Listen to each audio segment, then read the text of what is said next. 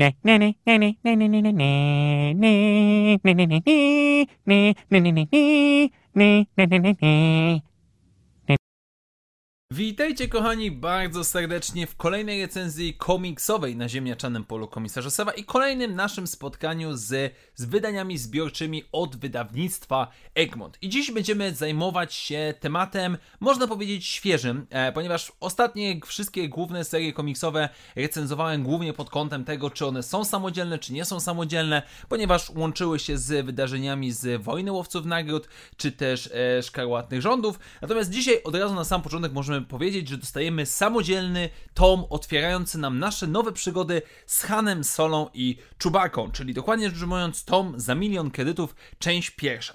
I dzisiejsza recenzja nie będzie spoilerowa, bo nie chcę absolutnie wam psuć e, zabawy, ale będzie praktycznie cały czas podzielona na dwie części. Wynika to z tego, że dzisiejszy zeszyt składa się z nie tylko serii komiksowej tytułowej, ale również małego bonusu, o którym za chwilę. Tak więc moi drodzy, jeżeli jesteście zainteresowani tylko ogólnym podsumowaniem to przejdźcie sobie do podsumowania. Tam w dwóch, trzech słowach dostaniecie, czy warto, czy nie warto, dla kogo jest ten, y, ten tom, a dla kogo nie. Natomiast jeżeli chcecie przesłuchać całość, no to już nie przedłużam tego wstępu i przechodzimy do dzisiejszego tematu. No i tak jak wspominałem na samym początku, mamy do czynienia z, można powiedzieć, samodzielną prawie całą historią Hanna Solo i Chewbacca, ponieważ dziś dostajemy pierwsze 5 z 10 zeszytów miniserii komiksowej zatytułowanej Han Solo and Chewbacca, autorstwa niejakiego Marka Guggenheima, który do tej pory pisał głównie pojedyncze zeszyty, e, czy też pojedyncze historie z serii komiksowej Age of Republic, czy też Age of Rebellion, natomiast e, rysowany cały komiks jest przez dwójkę bohaterów, e, przez, e, w tym przypadku przez jednego rysownika, dokładnie przez Davida Messinę. E, I mamy do czynienia z historią, która dzieje się kilka lat po wydarzeniach z filmu Solo. Nasz bohater wraz ze swoim towarzyszem już od kilku ładnych lat pracują dla Jabby, wykonują na początku tego tomu swoje jedno zadanie, gdzie podpadają pewnej grupie łowców nagród, którym na szczęście udaje się cało wyjść z opresji, ale mamy tutaj pokazane jasno i wyraźnie, jaki sposób działa Han Solo. No i dostają oni nowe zlecenie od Jabby, że mają wykraść urnę z prochami śmiertelnego wroga, powiedzmy, czy takiego znaczącego przeciwnika, konkurenta biznesowego Jabby w celach kolekcjonerskich za okrągłe milion tytułowe kredytów. Do ich ekipy dołącza Grido, który no musi zostać dołączony, ponieważ to on ma cynk całej tej informacji. No i tak naprawdę rozpoczyna nam się cała szalona przygoda naszej ekipy, która przechodzi m.in. przez rodzinną planetę Hanna Solo. No i oczywiście, jak łatwo się domyśleć, bardzo szybko wszystkie rzeczy zaczynają się komplikować, wykręcać i nasza ekipa trafia oczywiście w niejedne tarapaty. Natomiast druga część, ta niespodzianka, którą powiem szczerze, trochę się nie spodziewałem, albo powiedzmy wyleciało mi to całkowicie e, z głowy podczas zapowiedzi, to to, że na samym końcu dostajemy zeszyt, jedno, jedno, jeden zeszyt zatytułowany Live Day, czyli jest to historia e, dziejąca się z okazji Dnia Życia, czyli tego takiego święta, e, które zostało zapoczątkowane w Holiday Special, a do dnia dzisiejszego jest w pewien sposób bardzo mocno celebrowane i obecne w świecie Gwiezdnych Wojen. Jest to historia, która dzieje się już jakiś czas po epizodzie szóstym, kiedy Han Solo i Chewbacca nie mają Sokoła Millennium e, i jest to historia właśnie w, w trakcie tego dnia, która jest w międzyczasie w trakcie komiksu przeplatana trzema różnymi historiami, które krążą dookoła łukich. E, jedna dzieje się w okresie The High Republic, a dwie pozostałe dzieją się mniej więcej w okresie przed rebelii, czy też przed dołączeniem Hana Solo do rebelii oraz już w trakcie, kiedy nasz główny bohater jest rebeliantem. Więc dostajemy zeszyt, który e, jest pewnego rodzaju dodatkiem, który pojawił się w e, listopadzie 2021 roku i który jest samodzielną, zamkniętą historią, nie łączącą się z pierwszymi pięcioma zeszytami, które są połową serii komiksowej Han Solo and Chewbacca. I oczywiście zaczynamy od głównej części, od zdecydowanie większej części e, tego tomu, czyli pięć pierwszych zeszytów przygód Hanna Solo. I moi drodzy, jeżeli szukacie samodzielnej historii, jeżeli szukacie czegoś, co nie wiąże się w żaden sposób bezpośredni z innymi seriami komiksowymi, coś po co nie musicie sięgać, e, że nie musicie sięgać po inne 10, 15, 20 tomów, żeby złapać, to to jest zeszyt dla Was. Generalnie rzecz ujmując, bowiem dostajemy bandę przemytników, bandę łowców nagród, bandę gangsterów oraz wszelkiego rodzaju szemranych typów, którzy próbują znaleźć swoje miejsce w galaktyce, no i wszystko krąży wokół e, urny, która jest powiedzmy tym magafinem, jest tą rzeczą, za którą wszyscy gonią w tych zeszytach, no i oczywiście rozpoczyna się wyścig między naszymi bohaterami. I generalnie rzecz ujmując, jest to mam trochę problem, bo obiektywnie rzecz ujmując, ta historia wydaje się być jak najbardziej w porządku. Jeżeli lubicie Hanna Solo, jeżeli lubicie jego cwaniakowatość, e, Czubakę, który stara się go w pewien sposób uspokajać i uczyć, e, że może bardziej się ogarnijmy, bardziej pilnujmy, a i tak Han Solo robi swoje, no to to jest tak naprawdę zeszyt dla Was. I jest to w pewien sposób odświeżające przeczytać coś, co nie łączy się z innymi seriami komiksowymi, chociaż trzeba przyznać, że jest tutaj jedna scena, którą em, fani będące na bieżąco z innymi komiksami związanymi z Crimson Dawnem będą, rozpoznają i, i będą w pewien sposób zadowoleni z tego faktu, ale co jest najważniejsze, ten komiks jest samodzielny i jest całkiem przyjemny. Ale no, pewnie doskonale słyszycie po tonie mojego głosu, że nadchodzi to wielkie ale nie przekonuje mnie on za bardzo. O ile pierwsze dwa, trzy, cztery zeszyty jeszcze powiedzmy pod kątem intrygi są w porządku. Jeszcze pewnego rodzaju zaskakujące zwroty akcji, nieprzewidziane wydarzenia, bohaterowie, którzy stają na drodze e, naszych tytułowych bohaterów, e, to w jakiś sposób działa i układa się w jakąś całą spójną układankę. Pod koniec ja już jestem zagubiony. Mimo pojawiania się różnego rodzaju ciekawych wątków typu korporacyjny szeryf, który poluje na wszelkiego rodzaju przemytników i łowców nagród, e, pod koniec mam wrażenie, że ilość razy przekroczonych, przekabaconych, oszukanych sojuszników, wrogów i jeszcze raz sojuszników jest już w pewien sposób za duża. Jakby cała, cały pościg za tym artefaktem, który powiedzmy jest celem wszystkich dookoła, schodzi w pewien sposób na dalszy plan i ja już pod koniec um, zgubiłem w jakiś sposób zainteresowanie i łączy się to chyba z moją największą e, wadą dla mnie, czy też największym zarzutem względem tego komiksu, a mianowicie rysunki. Rysunki nie są złe. Znaczy, to nie jest, to nie jest poziom, powiedzmy, pierwszej serii komiksowej Darta Vadera, czy coś w tym stylu. Owszem, mamy momenty, gdzie twarze widać, że są przerysowane z filmu, szczególnie Hanna Solo, ale to jeszcze aż tak bardzo nie przeszkadza. Bardziej chodzi mi o brak dynamiki, jeżeli tak to mogę nazwać, czy też przejścia dynamicznego między poszczególnymi kadrami. Ja, ja, wiem, że to brzmi dziwnie, no bo komiks nie jest dynamiczny, komiks w pewien sposób no jest raz narysowany i tyle, ale w tym przypadku cały czas mam wrażenie, że między naszymi bohaterami te, czy to pojedynki, czy to wymiany zdań czasami są bardzo mało przejścia, przejścia między nimi, o może tak, są mało em, smooth, jeżeli tak mogę użyć angielskiego, angielskiego określenia. Są one bardzo mocno drastyczne i bardzo często te twarze, szczególnie twarze, mocno przeszkadzają, bo są bardzo skrajne. Na jednym kadrze bohater powiedzmy się uśmiecha, a na drugim jest w wielkim szoku i to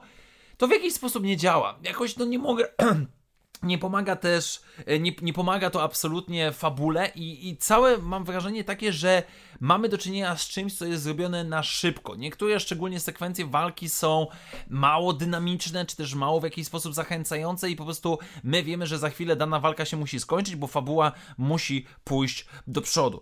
Generalnie rzecz ujmując, um, nie jestem fanem tego komiksu. Jakoś nie jestem w stanie aż tak bardzo się w niego zaangażować bo wydaje mi się on być w pewien sposób przekombinowany i dosyć może nie tyle słabo narysowany, co nieodpowiednia kreska. Tutaj zdecydowanie bardziej pasowałoby rysownik z e, na przykład serii komiksowej Bounty Hunters, e, chociażby, nie wiem, albo ewentualnie z jakichś innych no, serii komiksowych, teraz ciężko mi jakieś powiedzieć, Doktor Afra, rysownik z Doktor Afry też mógłby się tutaj odnaleźć. Natomiast to, co dostajemy jest ok, jest w porządku, ale nie wciąga tak bardzo, jak mogłaby wciągać tego rodzaju przygoda. Biorąc pod uwagę to, co tutaj dostajemy, biorąc pod uwagę, jak ważne jest budowanie jakiegoś napięcia, wyczy oczekiwań, wyczekiwań e, i niepewności, to, co finalnie dostajemy, no no, mnie w jakiś sposób nie satysfakcjonuje. I jestem już trochę zmęczony po tych pięciu pierwszych zeszytach, bo cała ta fabuła się komplikuje, bo ilość czynników, które nam nagle wskakują jest tak duża, że ja już za bardzo nie wiem kto kogo oszukał, kto z kim walczy i kto z kim, dlaczego i tak dalej. Jest to w pewien sposób dla mnie przekombinowane, a szkoda, bo fajnie, że dostajemy, przyjemnie dostać taką niezależną historię, samodzielną, można by powiedzieć, która powiedzmy stara się skupić wokół tego, co tak wielu z nas uważa za ważne w Gwiezdnych Wojnach, czyli piratów, przemytników i wszelkiego rodzaju cwaniaczków.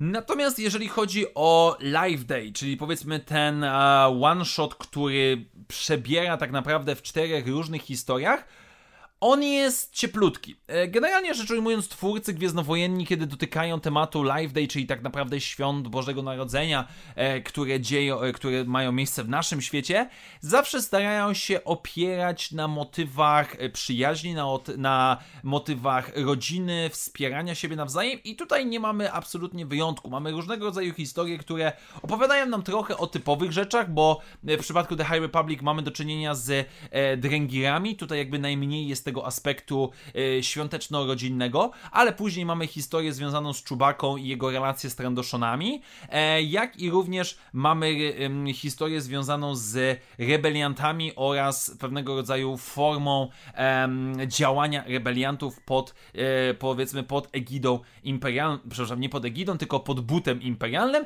a to wszystko jest przeplatane trochę gorzką historią Hanna Solo, który chciałby wrócić do domu na święta do swojej żony i dziecka, ale z jakiegoś powodu nie może, który nie ma swojego sokoła milenium i który zdecydowanie jest na pewnego rodzaju zakręcie życiowym. I to, ta historia, ta główna, która nie jest w żaden sposób skomplikowana, tutaj nie oszukujmy się, ten zeszyt nie jest jakoś bardzo um, rozbudowany czy odkrywczy, ale jest ciepła. Jest w pewien sposób e, pokazująca, że nawet w tych najtrudniejszych momentach, nawet jeżeli wiemy, że za jakiś czas a, przyjdzie coś ciężkiego, albo że w cudzysłowie jutro trzeba będzie znowu wstać do pracy i walczyć ze światem, to i tak dzisiaj możemy odpocząć. Dzisiaj możemy z najlepszym kumplem pod rękę napić się piwka, a potem będziemy się martwić, jak za to piwo zapłacimy. Jest niemal dosłownie cytat z tego komiksu i to jest to jest przyjemne. To w pewien sposób wpisuje się w cały kontekst postaci Hanna Solo po epizodzie 6, który ja prywatnie lubię.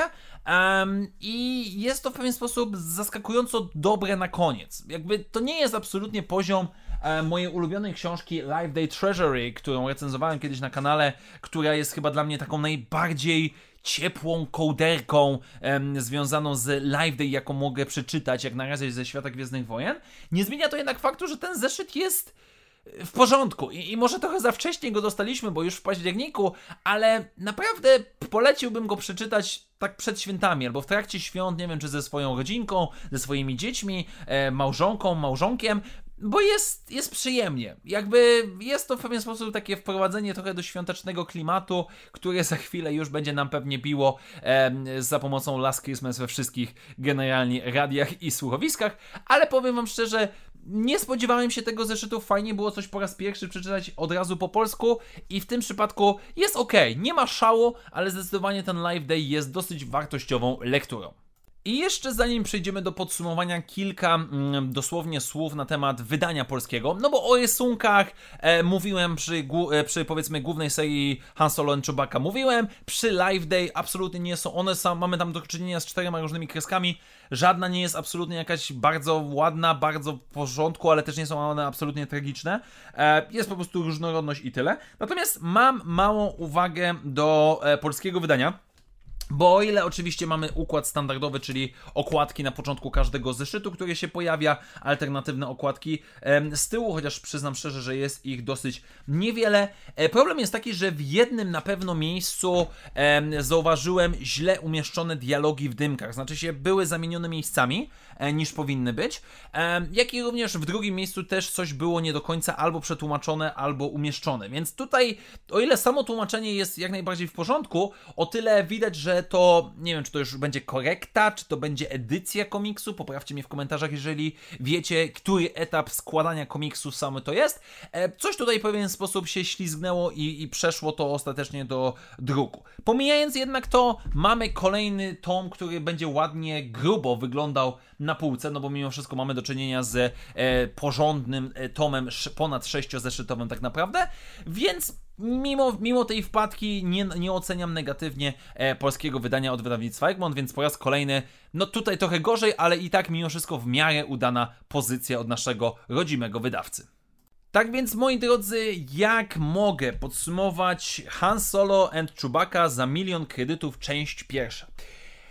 Oceniam mimo wszystko, mimo mojego e, subiektywnego podejścia do końcówki tego tomu, mimo pewnej niechęci do rysunków, oceniam dosyć pozytywnie, ponieważ dostajemy tutaj zamkniętą historię, znaczy w miarę zamkniętą, bo druga połowa e, znajdzie się w drugim tomie, ale dostajemy historię, która nie wymaga, nas, nie wymaga od nas znajomości innych, e, innych serii komiksowych, która skupia się na akcji, która skupia się na pościgu za jakimś artefaktem, na który wszyscy wszyscy polują, bo jest warty miliony kredytów, miałem powiedzieć monet, ale kredytów, a do tego dostajemy całkiem przyjemny jeden zeszyt związany z Live Day, który jest wprowadza nas w pewien sposób w jakiś świąteczny klimat. I mimo pewnego rodzaju uwag, mimo pewnego rodzaju wad, które widzę w tym tomie, wydaje mi się, że on może się spodobać naprawdę dużej ilości fanów. Ta, ta przygodowość, ten aspekt przemytniczo, em, powiedzmy łobuziarsko-najemniczy może być tym, co przekona wielu was do tego, żeby ten tom kupić bo nie jest on aż tak bardzo zły. Ja po prostu jakoś nie mogę za bardzo przekonać się e, do tej historii, ale nie jest ona, wydaje mi się, na tyle na ile mogę być, obiektywnie jakoś bardzo zła. Od solidny komiks przygodowy ze świata Gwiezdnych Wojen, więc jeżeli lubicie e, wszelkiego rodzaju blastery, kombinowanie, cwaniakowanie i ucieczka, uciekanie przed stróżami prawa, no to jak najbardziej za milion kredytów część pierwsza jest dla Was. Tak więc dziękuję Wam bardzo serdecznie, moi drodzy, za dzisiejsze spotkanie. Standardowo przypominam, że jeżeli podoba się to, co robię na kanale, możecie wesprzeć moją działalność, stawiając mi wirtualną kawę, do której link znajdziecie w opisie tego materiału. Jeszcze raz wielkie dzięki, do zobaczenia już w następnych materiałach i jak zawsze, niech moc będzie z Wami. Na razie, cześć!